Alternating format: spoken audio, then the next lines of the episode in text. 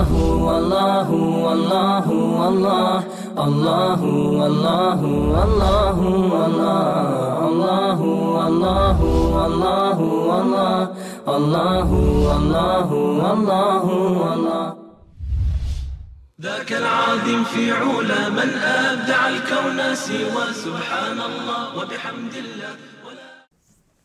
الحمد لله رب العالمين. اللهم لك الحمد أولا وآخرا ولك الحمد عدد خلقك ورضا نفسك وزينة عرشك ومداد كلماتك. اللهم صل وسلم وبارك على نبيك محمد وعلى آله وصحبه أجمعين.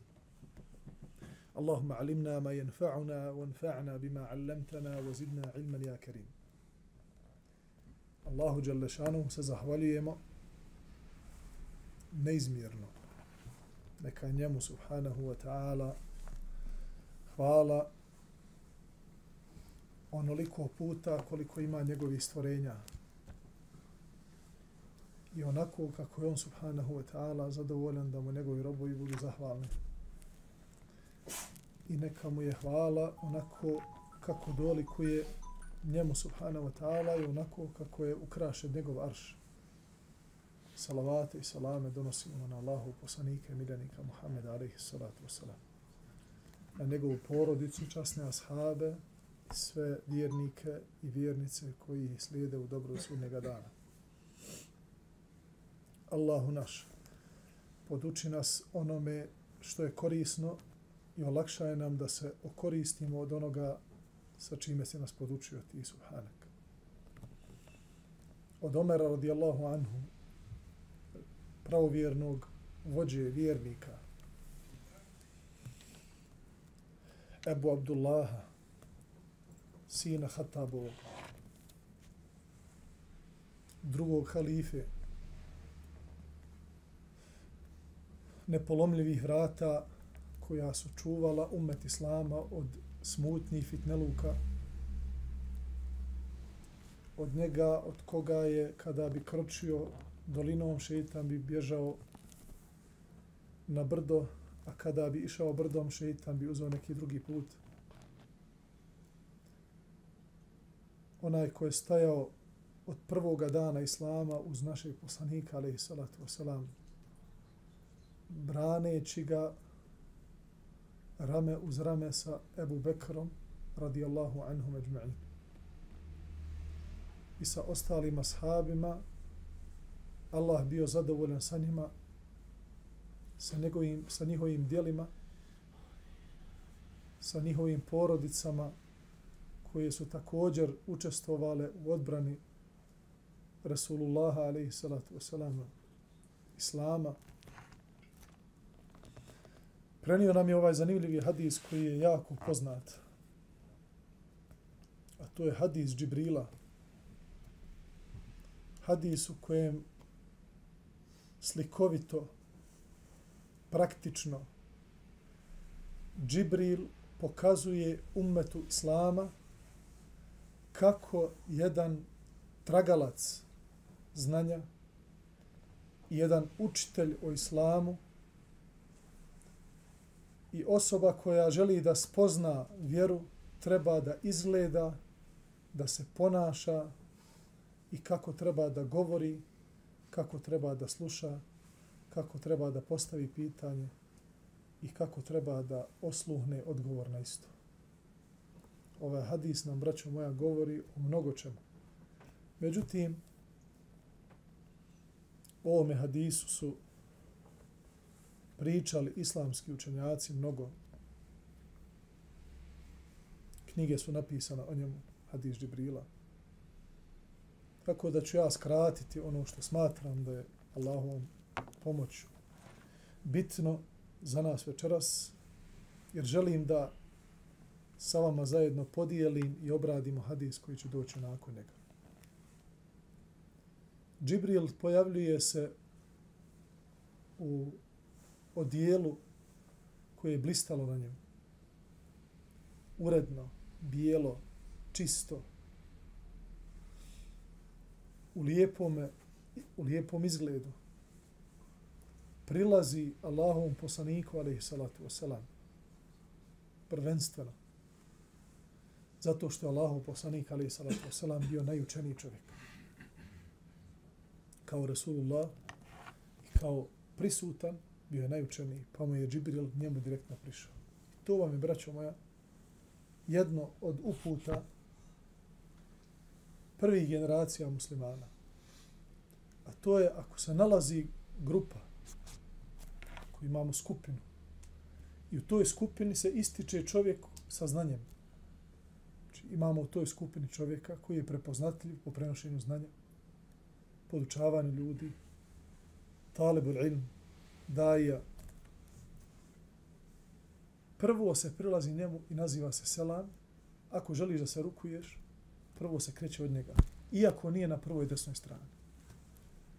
Onda nakon njega važi hadis desne strane. Isto ono što sam mogao da primijetim sada u džami,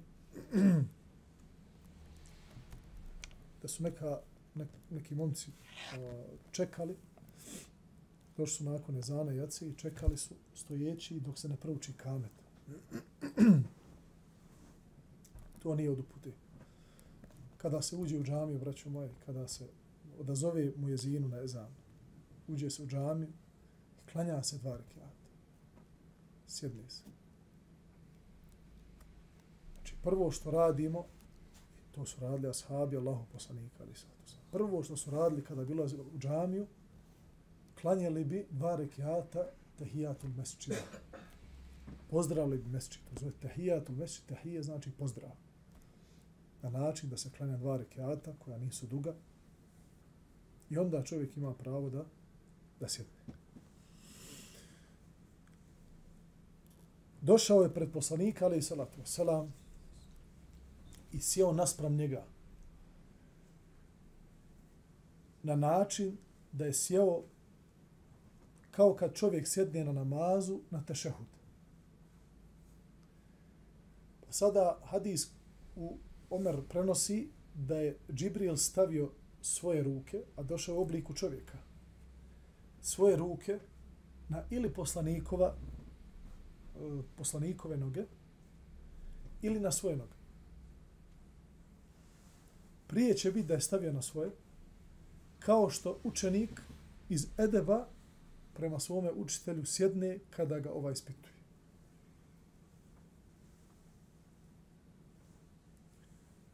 Pa ga je Džibril, alaihi salatu wasalam, pitao.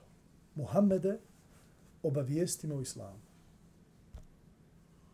I onda vama je poznat hadis da je pitao o islamu, da je pitao o imanu.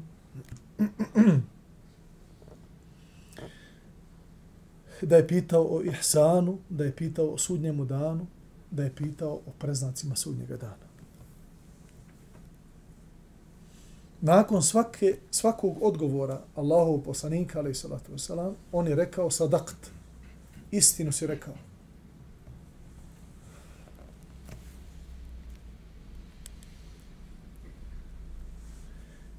To je najviše čudilo. To je najviše čudilo šta? Ashabe. Z šta mislite, zašto ih je čudilo? Slobodno recite. Nek neko digne ruku, nek kaže. Nešto pita, kaže da, da, da je rekao istinu. A treba biti obrnuto. Pita je potvrđio odgovor. Ja. Zašto, al, e, zašto se ashabi čude od njegovog pitanja i onda potvrde? Zato što on potvrđuje već svoje pitanje koje je on istinu rekao. Kako Dobro. poslanik potvrđuje? Ok, jes, stoji. Ashabi zašto se čude tome?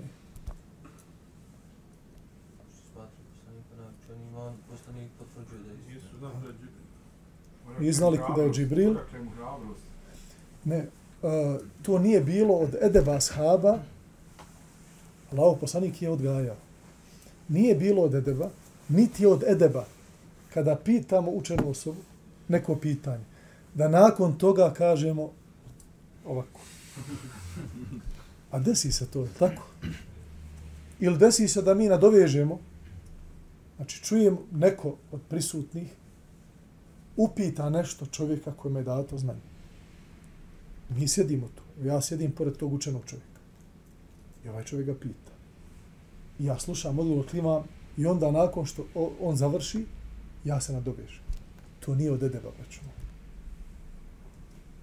Niti od edeba potvrđivanje tačnog odgovora. Pitaš, odgovara ti odgovor, došao ste do znanja, drago ti je, zahvali se Allahu, ništa ne potvrđuje šejih, to šejih. Šta to šejih? Šta znači to šejih? U neku rundu imao nešto, pa pobjedio. Osvojio zlatnu medalju. Nema tu to šejih, lajk.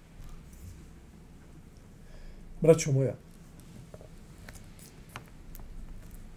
sledbenike sunneta, džamata, raduje kad kod ljudi vide sunnet. I kad kod ljudi i drugih vide uputu.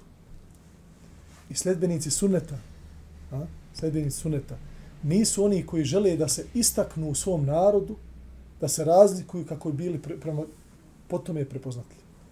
Da nešto posebno se ističu. Slijede sunnet i vole kada vide ljude da slijede sunet.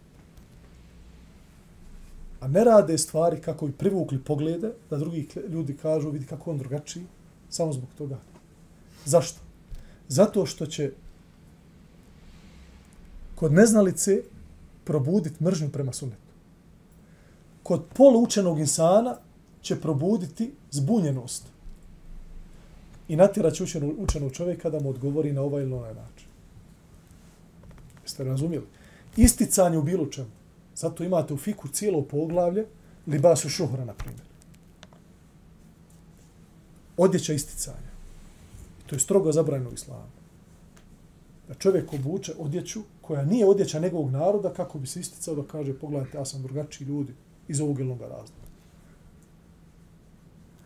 Sledbenici sunneta ne žele da se ističu u svome narodu kako bi na taj način skrenuli poglede na sebe sa stvarima koje mogu da ne budu istaknute.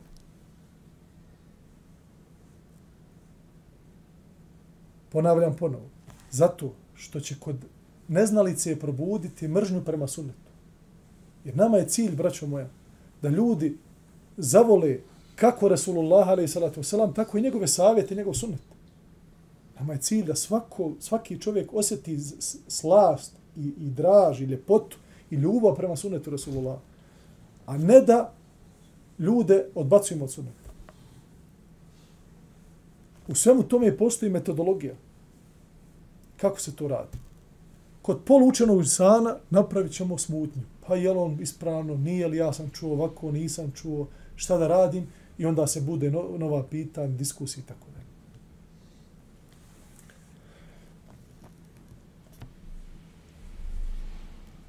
Znači, nije bilo od edeba i to je bilo najčudnije sahabima. Zašto čovjek, kaže Omer radijallahu anhu, pita ga, pa onda potvrđuje. Kada je otišao, pitaš ashabi, ko je ovo? Kaže, sallallahu alaihi wasallam, to je bio Džibril, došao je da vas poduči vašoj vjeri.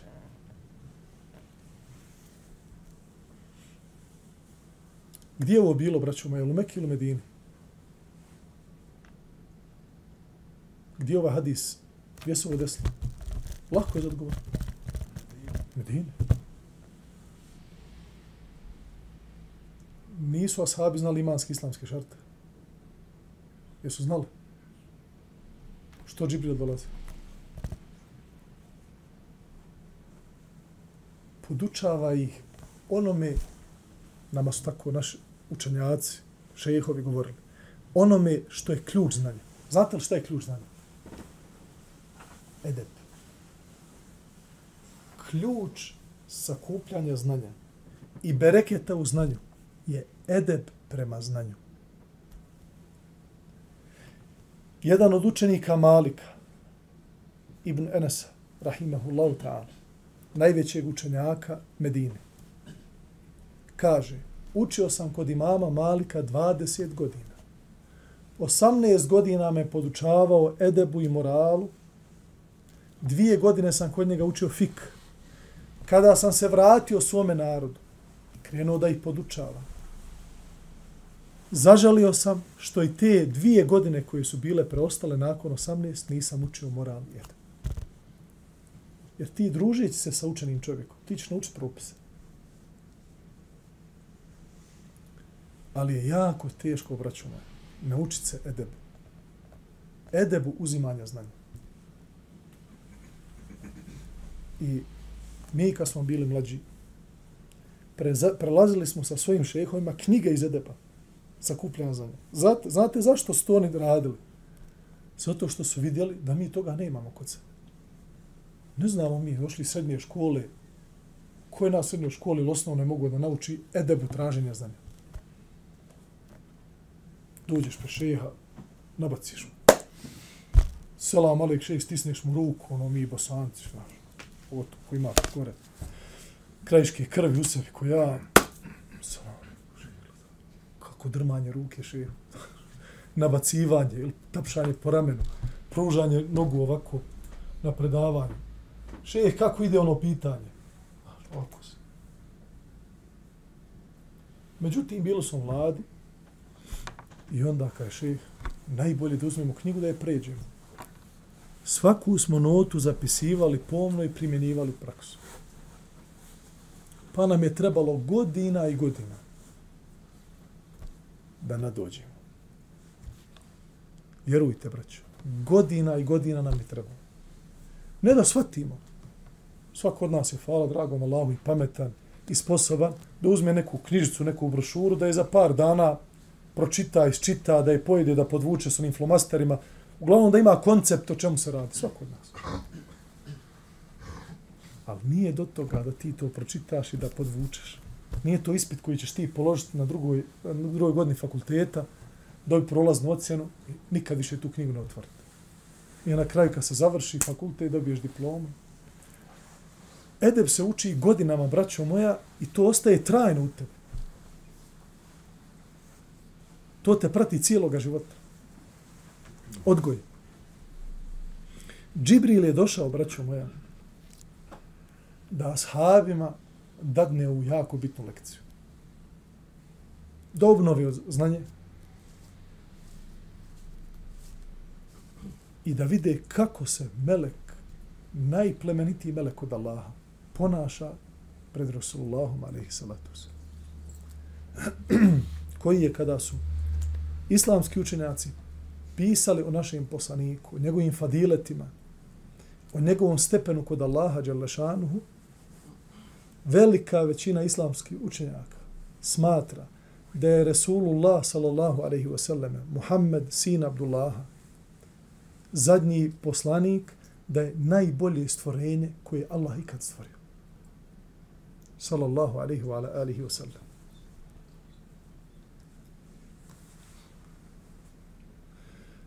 Od Ebu Zerra, Džundub ibn Džunade, Ebu Abdurrahman, Muaz ibn Džebel, radijallahu anhuma, od poslanika, alaihi salatu wa sallam, prenose sljedeći hadis. Boj se Allaha gdje god bio. Boj se Allaha gdje god bio. وأتبعي السيئة as-sayyi'ata al-hasanata tamhuha. Svima je nama dobro poznato da Allah Đalešanu u Kur'anu na više mjesta je rekao da za jedno dobro djelo nagrađuje desetorostruko. A loše djelo upisuje u onom broju u kojem ga čovjek učini. Ako učini jedan prijestup, jedan haram, upiše mu se jedno loše djelo. A ako uradi dobro djelo, Allah kaže deseterostruko nagrađuje. A kaže sallallahu alaihi wasallame, u vjerodostojnom hadisu, onaj ko radi dobro djelo, bit će nagrađen od deset puta do sedamstotina puta i više od toga. Pa su islamski učenjaci polemisali zašto će nekome biti desetorostruko, nekome sedamstotina puta za jedno dobro djelo, a nekome više od toga. poput ajeta i sure El Bekare, gdje, gdje Allah Đalešanuhu opisuje radnika, onaj ko radi dobra djela. Allah ga upisuje poput zrna žita. Jedno se posije, pa izađe stabljika, pa dadne a, svoje plodove, pa od jedne onaj, onog, jednog onog malog žita izađe stotinama. Na jednom klasu, u jednom onom pečenku ili kako se zove, kukuruzu, bude do stotinu nizrna. Tako je sa dobrim djelima. Međutim, dobro djelo također ima funkciju, braćo moja, da briše loša djela. Sallallahu alaihi wa sallam u ome hadisu, koji je Hasan, kod Tirmidija u sunanu, ako uradiš loše djelo, požuri da nakon njega uradiš dobro djelo. Izbrisat ćeš tim dobrim djelom loše djelo. To je također, braćo moja, jedno od fadileta dobrih dijela. Da čovjek šta? Ako mu se desi da uradi grije, da nakon toga uradi šta? Dobro djelo. I ovaj hadis, ovaj hadis, braćo moja, je formula cijelog života. Ovaj hadis svim onima koji traže spokoj, mir, sigurnost, čestitost, čist obraz. Ovaj hadis sadrži sve formule. Držite ga se, uživat ćete na ovome svijetu. I neće niko moći da upre u vas prstom i da kaže ovakav je onakav. Boj se Allah gdje god bio, uradiš loše djelo, uradi nakon njega dobro djelo, izbrisat ćeš ga. Wa النَّاسَ nase bi hasan i lijepo se prema ljudima obhodi. Jedno od najljepših disciplina u lijepom ponašanju, braćo moje, pogotovo kod omladine, a nisu izuzeti ni stari ljudi, iz ovoga, Je ono što sam danas ču, čuo od, mogu ga slobodno nazvat mog šeha, znam ga lično, da ga Allah čuva, a mnogo sam čuo od njega savjeta. To je šeh Ebu Ishaq, Huvejni, jedan od najpriznatijih muhadisa današnjice, čovjek koji u svom govoru ima mnogo mudrosti, čovjek koji govori jezikom muhadisa, govori jezikom karija Korana, u svojoj mladosti imao prelijep glas, zvali su ga Menšavi. Znači, učio je poput Menšavija. Kada slušate Menšavija i slušate Ebu Ishaka Huvejnija iz mladosti, ne možete napraviti razliku čovjek koji je cijeli život svoj dao u izučavanju hadisa Allahu poslanika, alaih salatu selam, i odbrani sunneta. Na jednom od svojih predavanja, kada je pričao o Kur'anu, zaplakao je i kaže da sam Bogdom cijeli život posvetio Kur'anu, Allahom govoru. Čovjek koji i svojim postupcima i svojim govorom voli Allah, voli poslanika, voli muslimane. I kada smo otišli kod njega jedne prilike, savjetovao nas je kao što vrijedni, mudri babo savjetuje svoju djecu. Od njega sam čuo jednu danas disciplinu u lijepom obhođenju, a to je, braćo moja, disciplina. Hajde, prvo ću jedan ovako onaj, izraz iskoristiti, da ne bude baš ono narodni. Jer je tu osobinu imao Rasulullah a.s. A to je osobina, braćo moja, nezapažanja. Hoćete na, u narodnom jeziku da vam kažem da vam je lakše eh, razumjeti. Osobina da se praviš budala. Sad vam je jasnije tako. Znači, nezapažanje. Šta znači nezapažanje? Ili neuzimanje svega što ti dolazi od informacija, od govora, na način da ti imaš neki odgovor na to, da ti nešto imaš neku reakciju. Ebu Horeira radijallahu anhu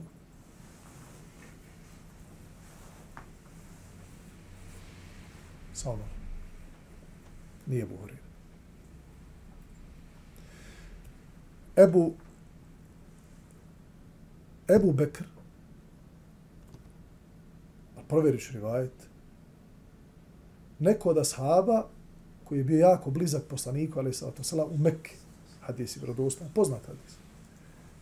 I ovaj hadis postavlja temelje ove osobine.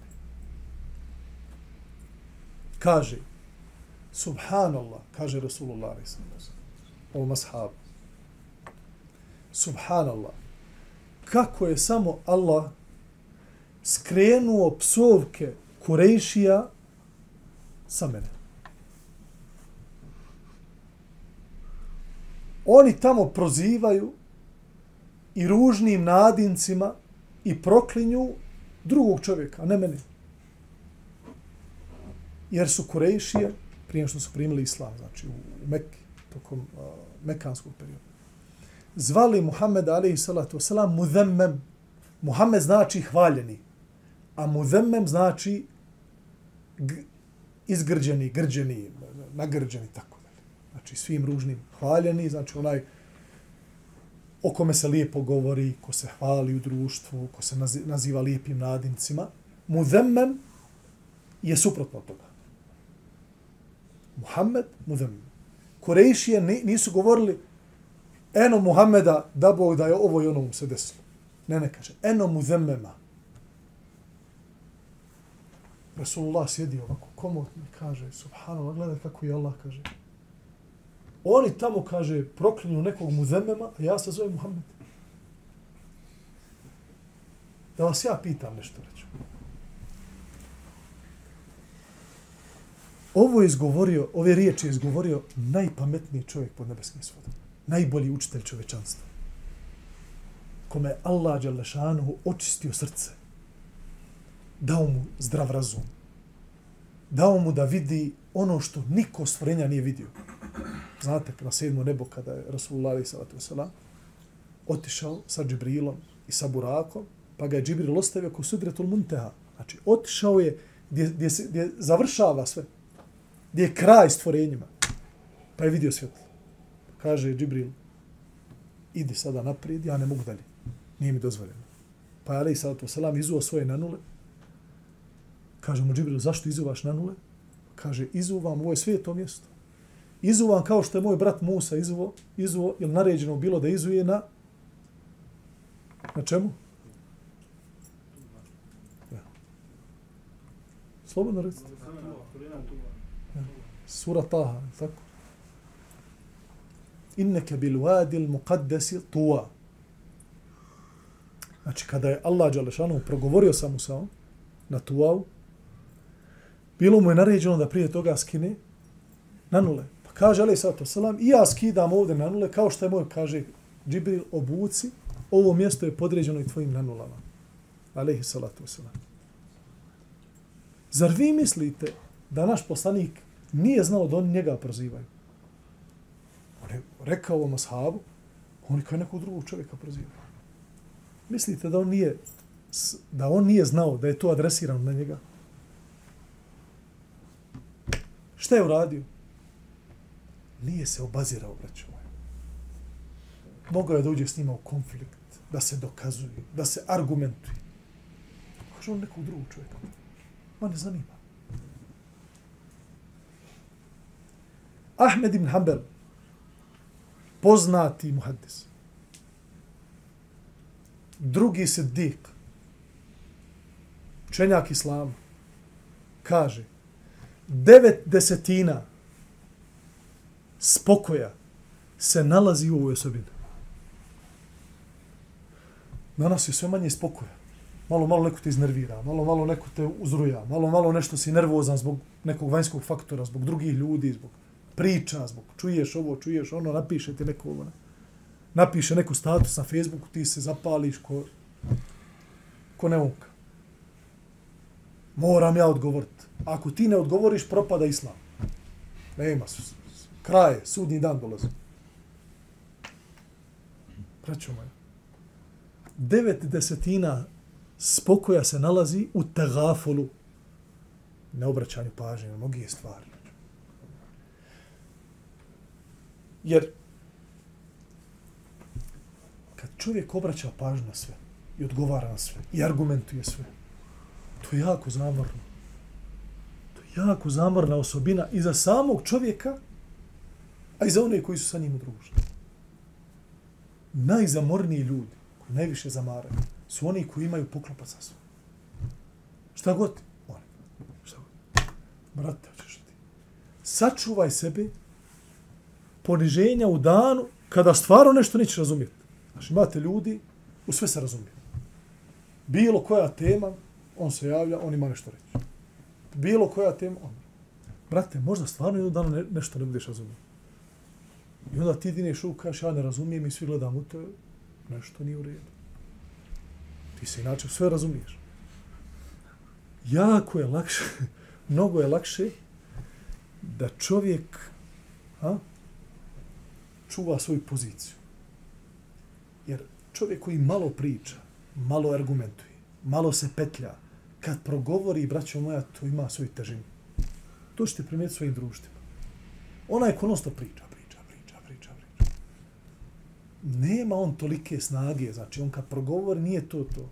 Imate drugoga baba, samo nešto šuti, gleda, ako nekad nešto uspita, progovori par riječi, ali kad na neku temu progovori i kad nešto složi, kad kaže, u, ima svoju težinu. I to vam je, braćo moja, ako želite spokoj u životu i želite da vaša duša u većini slučajeva bude mirna, ovu osobinu sprovete na praksu, u praksu.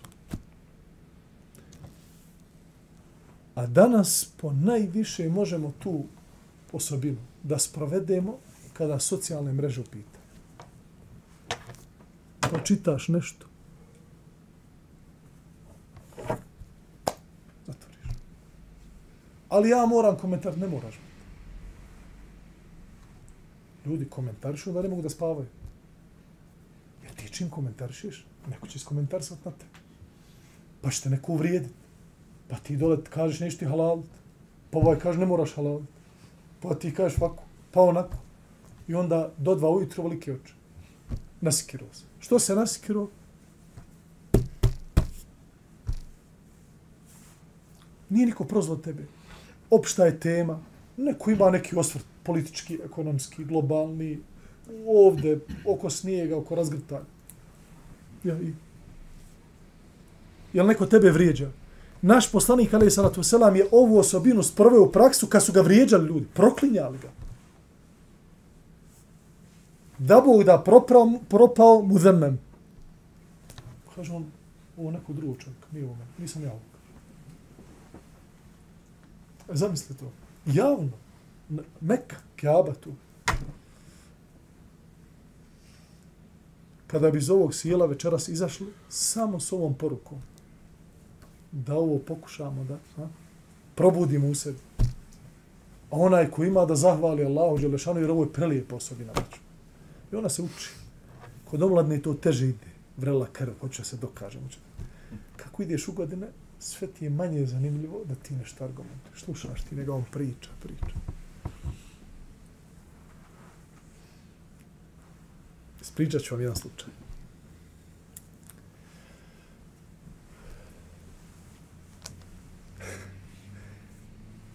Srela se dva čovjeka kod Kjabe.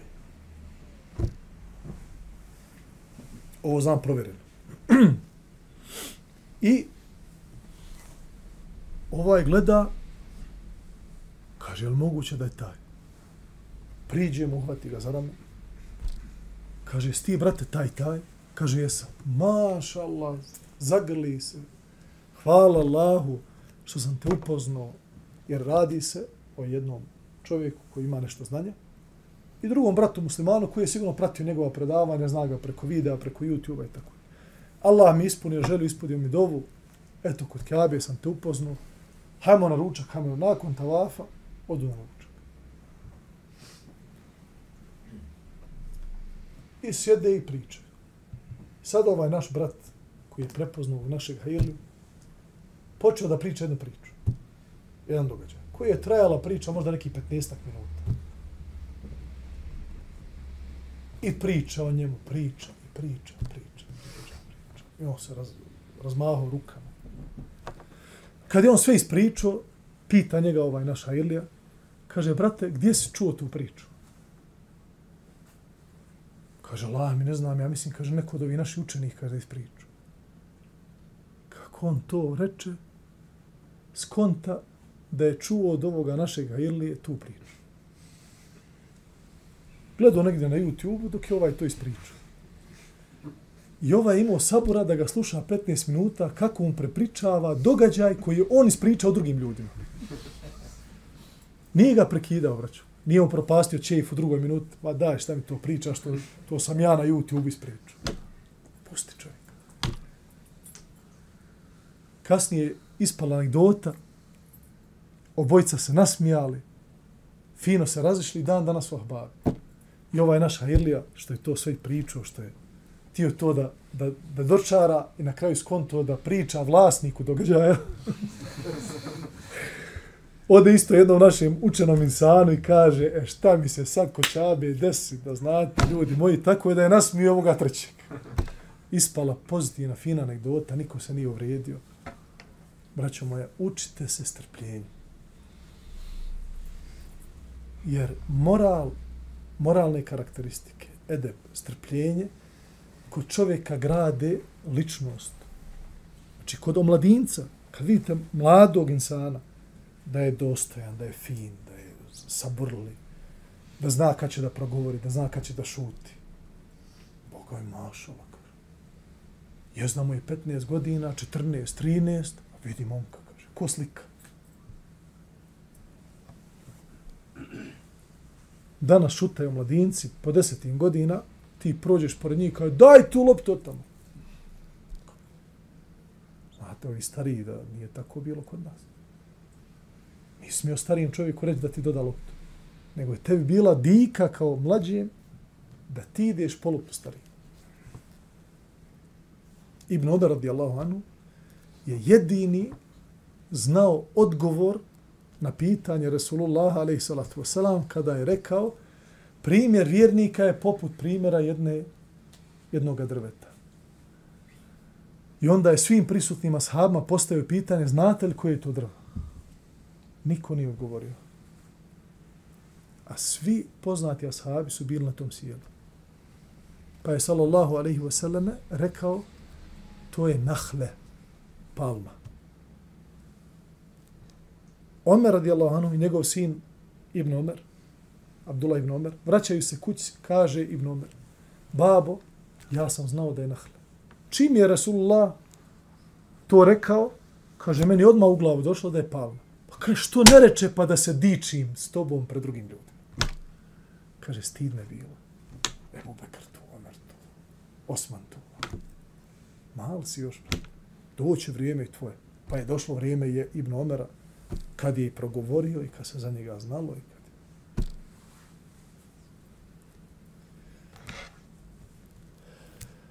وصل اللهم على نبينا محمد وعلى آله وصحبه أجمعين